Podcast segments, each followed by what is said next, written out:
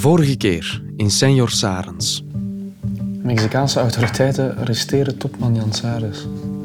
Daar was ik niet goed van. Ongelooflijk. Hij heeft dat zich letterlijk van zich afgeschreven. Vamos a Acapulco. Le- le- Hoe is- hoe is dat liedje weer? Ik heb mij nooit echt angstig gevoeld of zo daar. Als je ergens op, op een strandje een, een drankje gaat drinken, dan wordt er opeens iemand 10 meter van jou neergeschoten en dat dan de oper zegt van ja, let er maar niet op meneer hoor, dat is niet tegen u. Bizar. Ik, ik wens het jullie niet toe. It rained the whole day, spent at his lover's grave. Said his goodbyes to her family and friends. And packed his things in a rusted car and rode off in the rain. And came upon a church in ruin with an old man dwelling within. Aflevering 5. Parking Acapulco. Midden in de nacht komen we aan in Acapulco. We springen meteen een taxi in. En ondanks het late uur is het nog steeds drukkend warm in de tropische badstad. Op zijn Mexicaans. ja, vamos bien. Oké.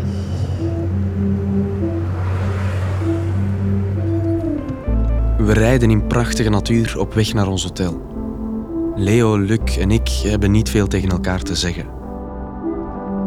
De nachtelijke baai van Acapulco gaapt ons aan. Bij aankomst in ons hotel duiken we meteen ons bed in. Want morgen hebben we een lange dag voor de boeg.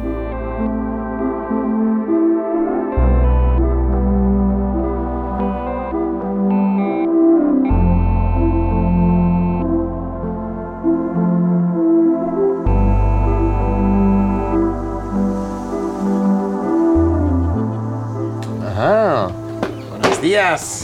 je ziet dat je niet valt, hè. Goedemorgen. Zeker, ça va. Dat is gewoon plaats om op te staan, hè? Ja, dat maakt veel goed. Amai. Prachtig, hè? De baai van Acapulco.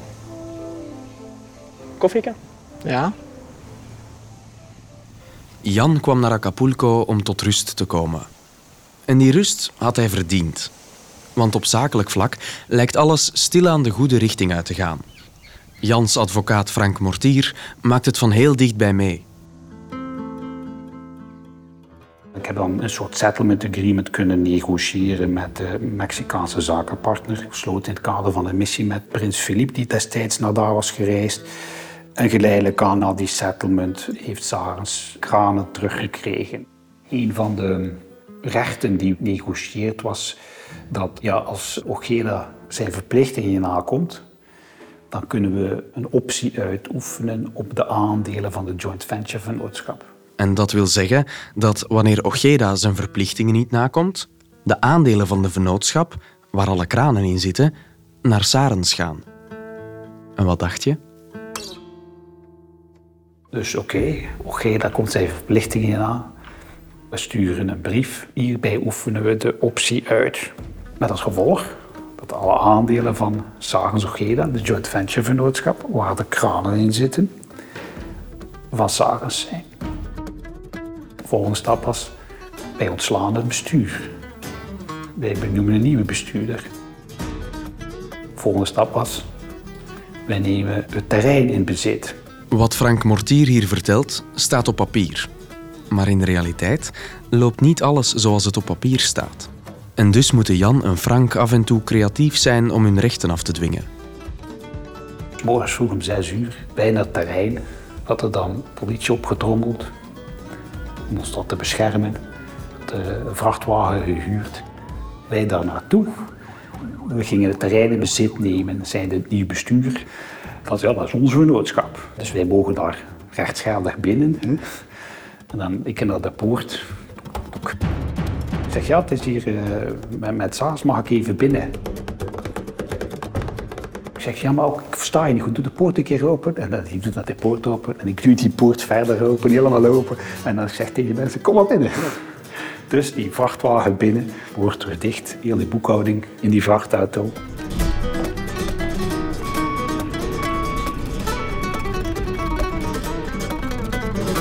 een gegeven moment had Ogeda natuurlijk dat gehoord. Had hij zijn bevriende politie opgetrommeld. En dan eh, is er zo'n discussie ontstaan over eh, wat en hoe en van wie dat terrein is. Ondertussen wat die vrachtwagen met die boekhouding buiten. En dan ja, hebben ze dan toch maar het, fort opgegeven, zal ik het zo zeggen. Dus ja, vandaar hebben we dus eigenlijk verder kunnen werken aan het recupereren van zaken. Gegeven moment natuurlijk is voor Ojeda, ja, eh, blijft er niet veel meer over. Hè. En ook Leo, de schone slaper, is intussen wakker geworden in Acapulco. De zon schijnt volledig, krachtig. De temperatuur gaat naar boven. Je krijgt zin in een cocktail, in een zwembad, in, in een sigaar misschien, als je dat leuk vindt. Zo een leven is voor iedereen ideaal. Als je het te druk hebt in Mexico-stad. Als je niets over geweld en misdaden wist, zou je zeggen, dit is, dit is het paradijs. Na een stevig ontbijt giet Leo ons naar het buitenverblijf van Jan. We staan hier net aan het gebouw waar het voormalige condo van Jan lag. Deze toren ligt op de, bijna op de top van een heuvel. Dus je ziet alles op misschien 100 meter of meer hoog. Dus het is wel een, een wolkenkrabbel uitzicht. En nu herinner mij ook, we zaten toen op het balkon een sigaar te roken met whisky erbij. Met uitzicht op de baai en op de open zee. En eh, ja, dat was een goed moment. Een van de beste momenten. Ik kon toen voelen hoe vrijgevig hij was. Leo wordt nostalgisch en wil graag nog net iets dichter bij het appartement komen. We zullen zien of we uh, dichterbij kunnen komen, want er is natuurlijk een bewaker aan de ingang bij de, van het gebouw. Ja, misschien kent hij Jan nog. Ik zal hem vragen of hij Jan Sarens kent of kende. En we lopen meteen de bewaker van het appartementencomplex tegen het lijf. Leo aarzelt niet en stelt de belangrijkste vraag. Hola, buenos días. El, ¿Usted ha oído hablar de Jan Sarens? Es un señor de Bélgica. Luc en ik denken te horen dat de naam van Jan Sarens nog een belletje doet rinkelen bij de bewaker. We knikken naar elkaar. Maar 100% zeker zijn we niet. Tot we hem, si, señor Sarens, horen zeggen. Señor Sarens. El señor Sarens. Sí, nada más. Ajá. Ok. Que tenga buen día. Cuídese. Sí, bye. Buen día. Buenos días. Sí, buenos días. Hij kende Jan persoonlijk. Hij heeft over hem verteld. Hij glimlachte meteen. Ah ja, meneer Jan. Hij was enthousiast. Dat zegt iets. Over Jan. Ja. Hij heeft meerdere details over zijn leven hier gegeven. En? Welke details? Dat hij sympathiek was, dat hij geen Spaans kon. En hij heeft me de, de kleur en het model van de auto gegeven. Het was een Mercedes-Benz Bordeaux. Ja, dat is uh, in het Spaans vino. Wijn. Na een bezoek aan het buitenverblijf van Jan duiken we opnieuw de taxi in. Leo praat wat met de taxichauffeur. En wat blijkt? Ook de taxichauffeur weet nog wie Jan is. Ah, entonces usted lo conoció. Hij heeft hem leren kennen. Hij herinnert eh, Jan en hij was toen daar. En ook hij begint meteen over de opvallende wagen van Jan. Ah, sí, sí, tenía un carro, claro, un, eh, un Mercedes de- descapotable vino. Het lijkt wel alsof de tijd hier in Acapulco tien jaar stil heeft gestaan. No, su coche era En Mercedes. onze taxichauffeur weet precies waar hij ons moet afzetten.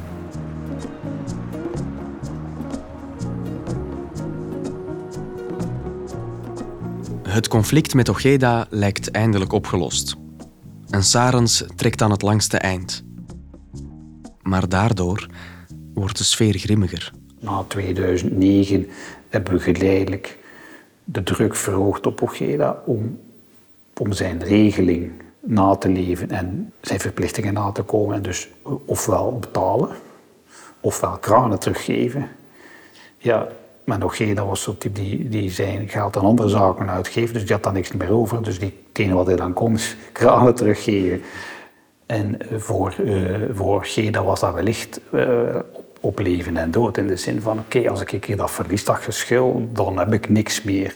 En oké, dat werd daar wel af en toe een keer gedreigd. Ja. Op welke manier werd er dan gedreigd? Ja, zo,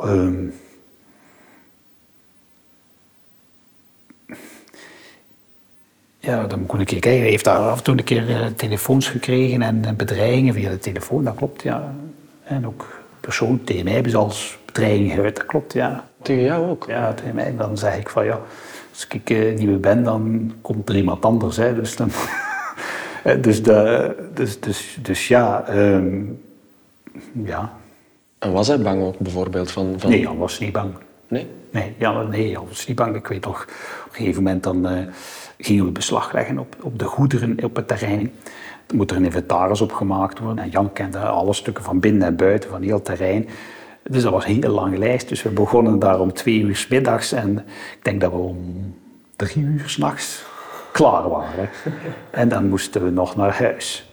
En dus je hebt ook hele grote straten met drie, vier lijnen. En dan ja, reden we om drie uur s'nachts bijna geen auto's te zien. En dan op een gegeven moment kwamen er twee van die grote Amerikaanse grote bakken. Die kwamen dan heel dicht achter ons en naast ons rijden.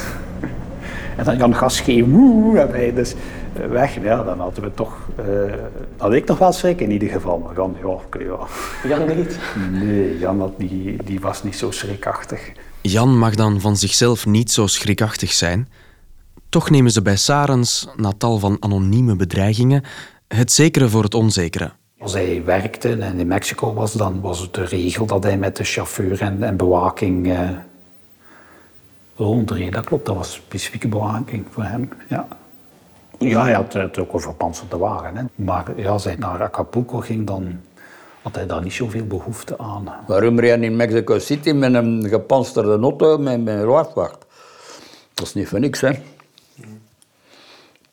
Maar zij, je mag niet in angst blijven leven, want nergens leven. Dus eh, in Acapulco vullen hem veilig, maar dus niet, hè. Maar hij wou geen bewaking, hè? Ik heb hem nooit eh, met bewaking gezien, eh, nog in Mexico, nog in Acapulco. Hij vond zijn vrijheid belangrijker dan ze permanent lijfwachten bij hem te hebben. Als ze moesten hebben, zouden ze hem toch hebben. Dus, eh, Hij had toch al een paar bedreigingen gekregen. En dat, daar vertelde hij niet veel over. Ja, of dat je dat dan zegt tegen Jan, of dat je dat nu niet zegt tegen Jan, dat blijft gelijk. Hè. Jan, ging door. Hè. Ik moet dat allemaal niet zei ik zal ik mijn eigen plan wel trekken. Dat is mijn overtuiging, dat hem voor zichzelf ehm, dat ook wel afsloot. Omdat dat anders niet leefbaar was voor hem daar. Ik denk dat hem daar dus zo weinig, zo weinig mogelijk bij stilstond. Omdat hem anders wist dat dat, dat, dat zich zou wreken.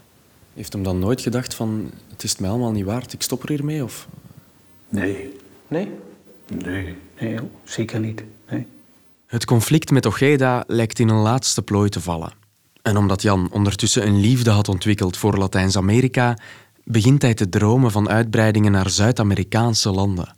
Want hij vond zijn werk gedaan in Mexico. Dat, was, dat liep dat goed. Hij ging dan een directeur verzoeken. En hij ging naar Brazilië gaan. Want Brazilië zag een land van de toekomst in Zuid-Amerika.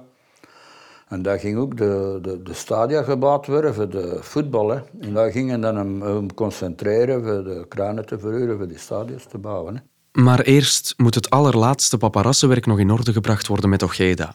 Dus, dus in 2012 hadden we dan toch een heel groot deel al teruggekregen. Ja, en dat was een soort proces waar we met redelijk strakke hand probeerden uh, zijn verplichtingen aan te komen. En uh, er was dan een bijkomende settlement agreement dan genegocieerd eind 2012, die dan uh, zou moeten getekend zijn in 2013, februari. Voilà, dan is Jan, Jan vermoord. Tonight, when I came home from work,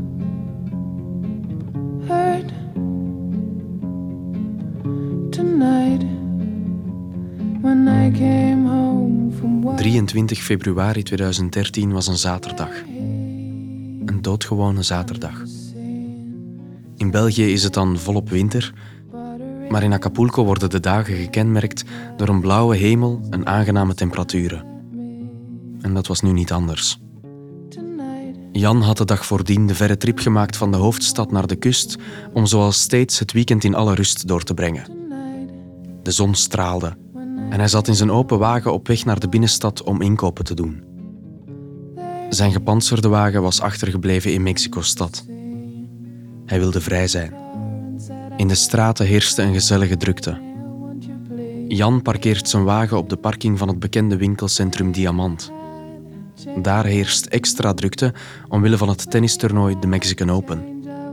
Over wat er daarna precies gebeurt, bestaat weinig informatie. Jan had gezien dat er iemand kwam met een revolver. Hij probeert zijn auto nog in achteruit te zetten om weg te rijden, maar botst tegen een andere wagen. Op klaarlichte dag, om half vijf in de namiddag, wordt Jan met één laffe kogel afgemaakt. Hij werd geraakt in de borst. Iemand heeft een leven opgebouwd, heeft kennis opgebouwd, heeft ja, gewoon een persoon die gevormd is. Hup, hup, dat is weg. Dat is weg. En ik herinner mij een foto ehm, van ons vader die naast zijn auto lag. En daar lag zo'n een, een, een aluminium doek over. Maar je zag zo het tjoepje van zijn elleboog. Dat is zoiets. Als ik dat zag, dan wist ik dat het waar was. Even oud tunen. Tonight, when I came home from work. Tonight, when I came home from work. Tonight, tonight, tonight. Weet je nog waar dat je waart op het moment dat je het nieuws kreeg? Hier. Ik was toevallig op, wakker en ineens mijn telefoon. Ik pak op, ja. Ik zeg een accident? Nee, nee, ze hebben hem doodgeschoten. Dat komt hard aan. Ze hebben eerst naar Wim Saris gebeld, naar de CEO van Saris.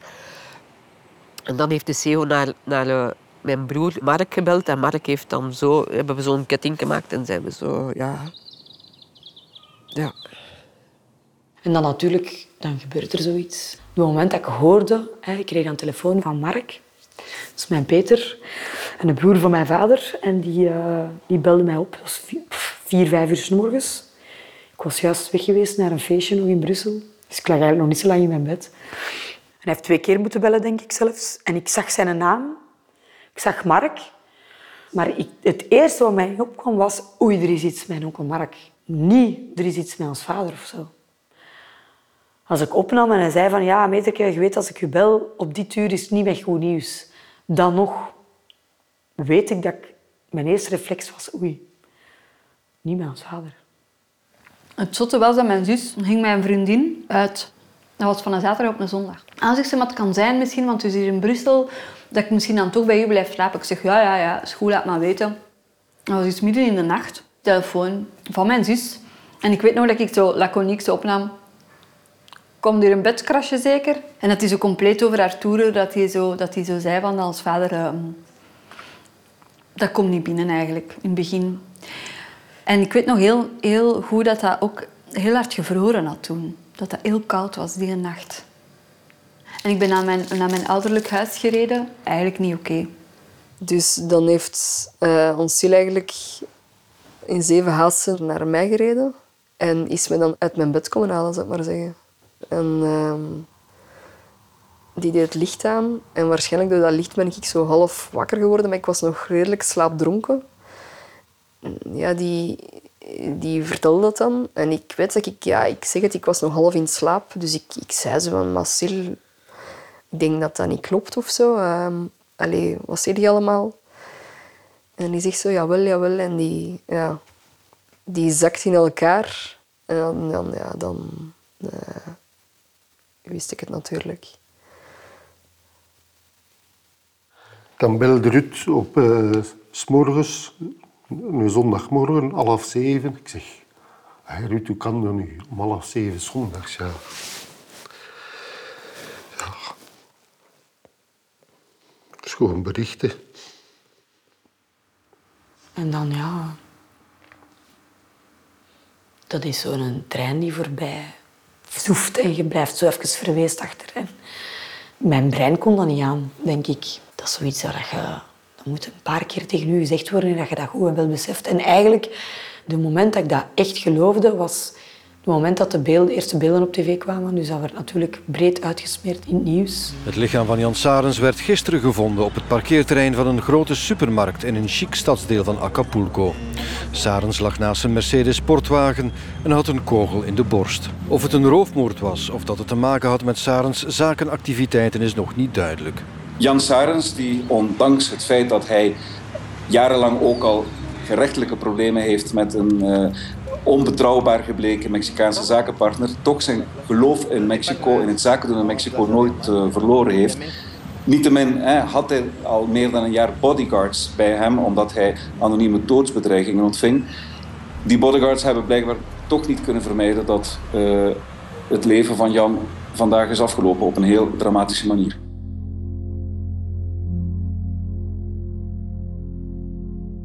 Ik heb het via de radio vernomen dat er, uh, dat er een zakenman in Mexico was vermoord. En ik zeg, zal Jan toch niet zo zijn zeker? Dat is, uh... Ik heb het via de radio vernomen? Ja, en het tweede nieuws was dat iemand van de groep Saris was. Ze hebben direct uh, naar Jan zijn ouderlijk huis gegaan en daar zijn we allemaal, uh, zijn we allemaal samengekomen. Hè.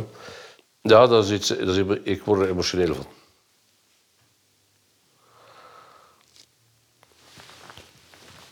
Ja. Wat moet ik nog vertellen? Waarschijnlijk zijn wij de laatste die, die van hieruit naar, naar Mexico geweest zijn op, op, op bezoek bij hem. Ja, dat is, dat is wel moeilijk. Ja, ja. We draaien het parkeerterrein op. Vooraleer we uitstappen blijven we nog even zitten om onze taxichauffeur, die ook Engels blijkt te spreken, nog wat vragen over Jan te stellen. Is dit de parkeerplaats, Leo? Ja, hij komt de, het, de, het parkeerterrein binnen. Hij kent de plaats waar hij vermoord werd. But you considered uh, Jan as a friend? Yeah, I consider friend because he, he called me, he got my phone, my number, and they called me and he needs something, he told me, you know? Oh, you were his driver. Exactly. Almost your his private pri private taxi. yeah. The security guy out there, they told me. I said, yeah, I know him. I know that day because I'm working. In Mexico wordt de moord op Jan omschreven als een roofmoord. Maar dat ontkracht onze taxichauffeur vrijwel meteen. When they try to steal your car, they don't got you in, inside the car because it's very nice car and fast. Why they steal his car? Uh, Mercedes convertible is only one in Acapulco. En dan besluiten we het parkeerterrein op te gaan. So very thank you. Uh, zullen we even yeah. naar buiten? We go outside. All right, I'll be here. Gracias, okay? gracias. Yeah.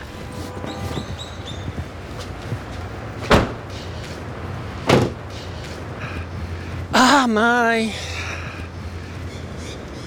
Ik vind het wel heel dichtbij komen nu. Echt heel dichtbij. Ik ben er ook een beetje stil van.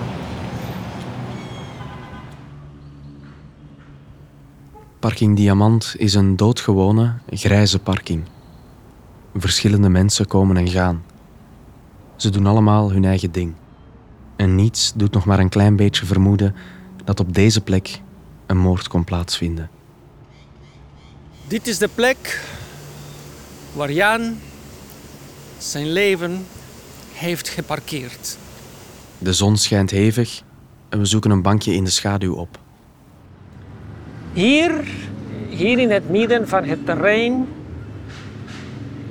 werd hij ergens in de namiddag tegen de avond vermoord door een man die direct naar, zijn hart schiet. En ik heb de dag nadien, toen we kwamen te weten, toen het, uh, ik heb een, een, een, afbeelding op internet gezien van hem op de grond. En zijn gezicht was, was niet verstopt. En dat maakte me verontwaardigd. Het was absoluut gepland. Op een andere manier kan niet. Als je een auto wil stellen doe je dat in een andere plek en op een andere manier. Nee, dat was op aanvraag. Dat is absoluut duidelijk voor ons iedereen, maar niet voor de justitie. Ik word er ook een beetje van op mijn ongemak van hier te zijn. Je wordt in, in, in Vlaanderen geboren en terecht hier op het terrein vind je je bestemming. Dat is onrechtvaardig. Eigenlijk. Ik, ik ben triest.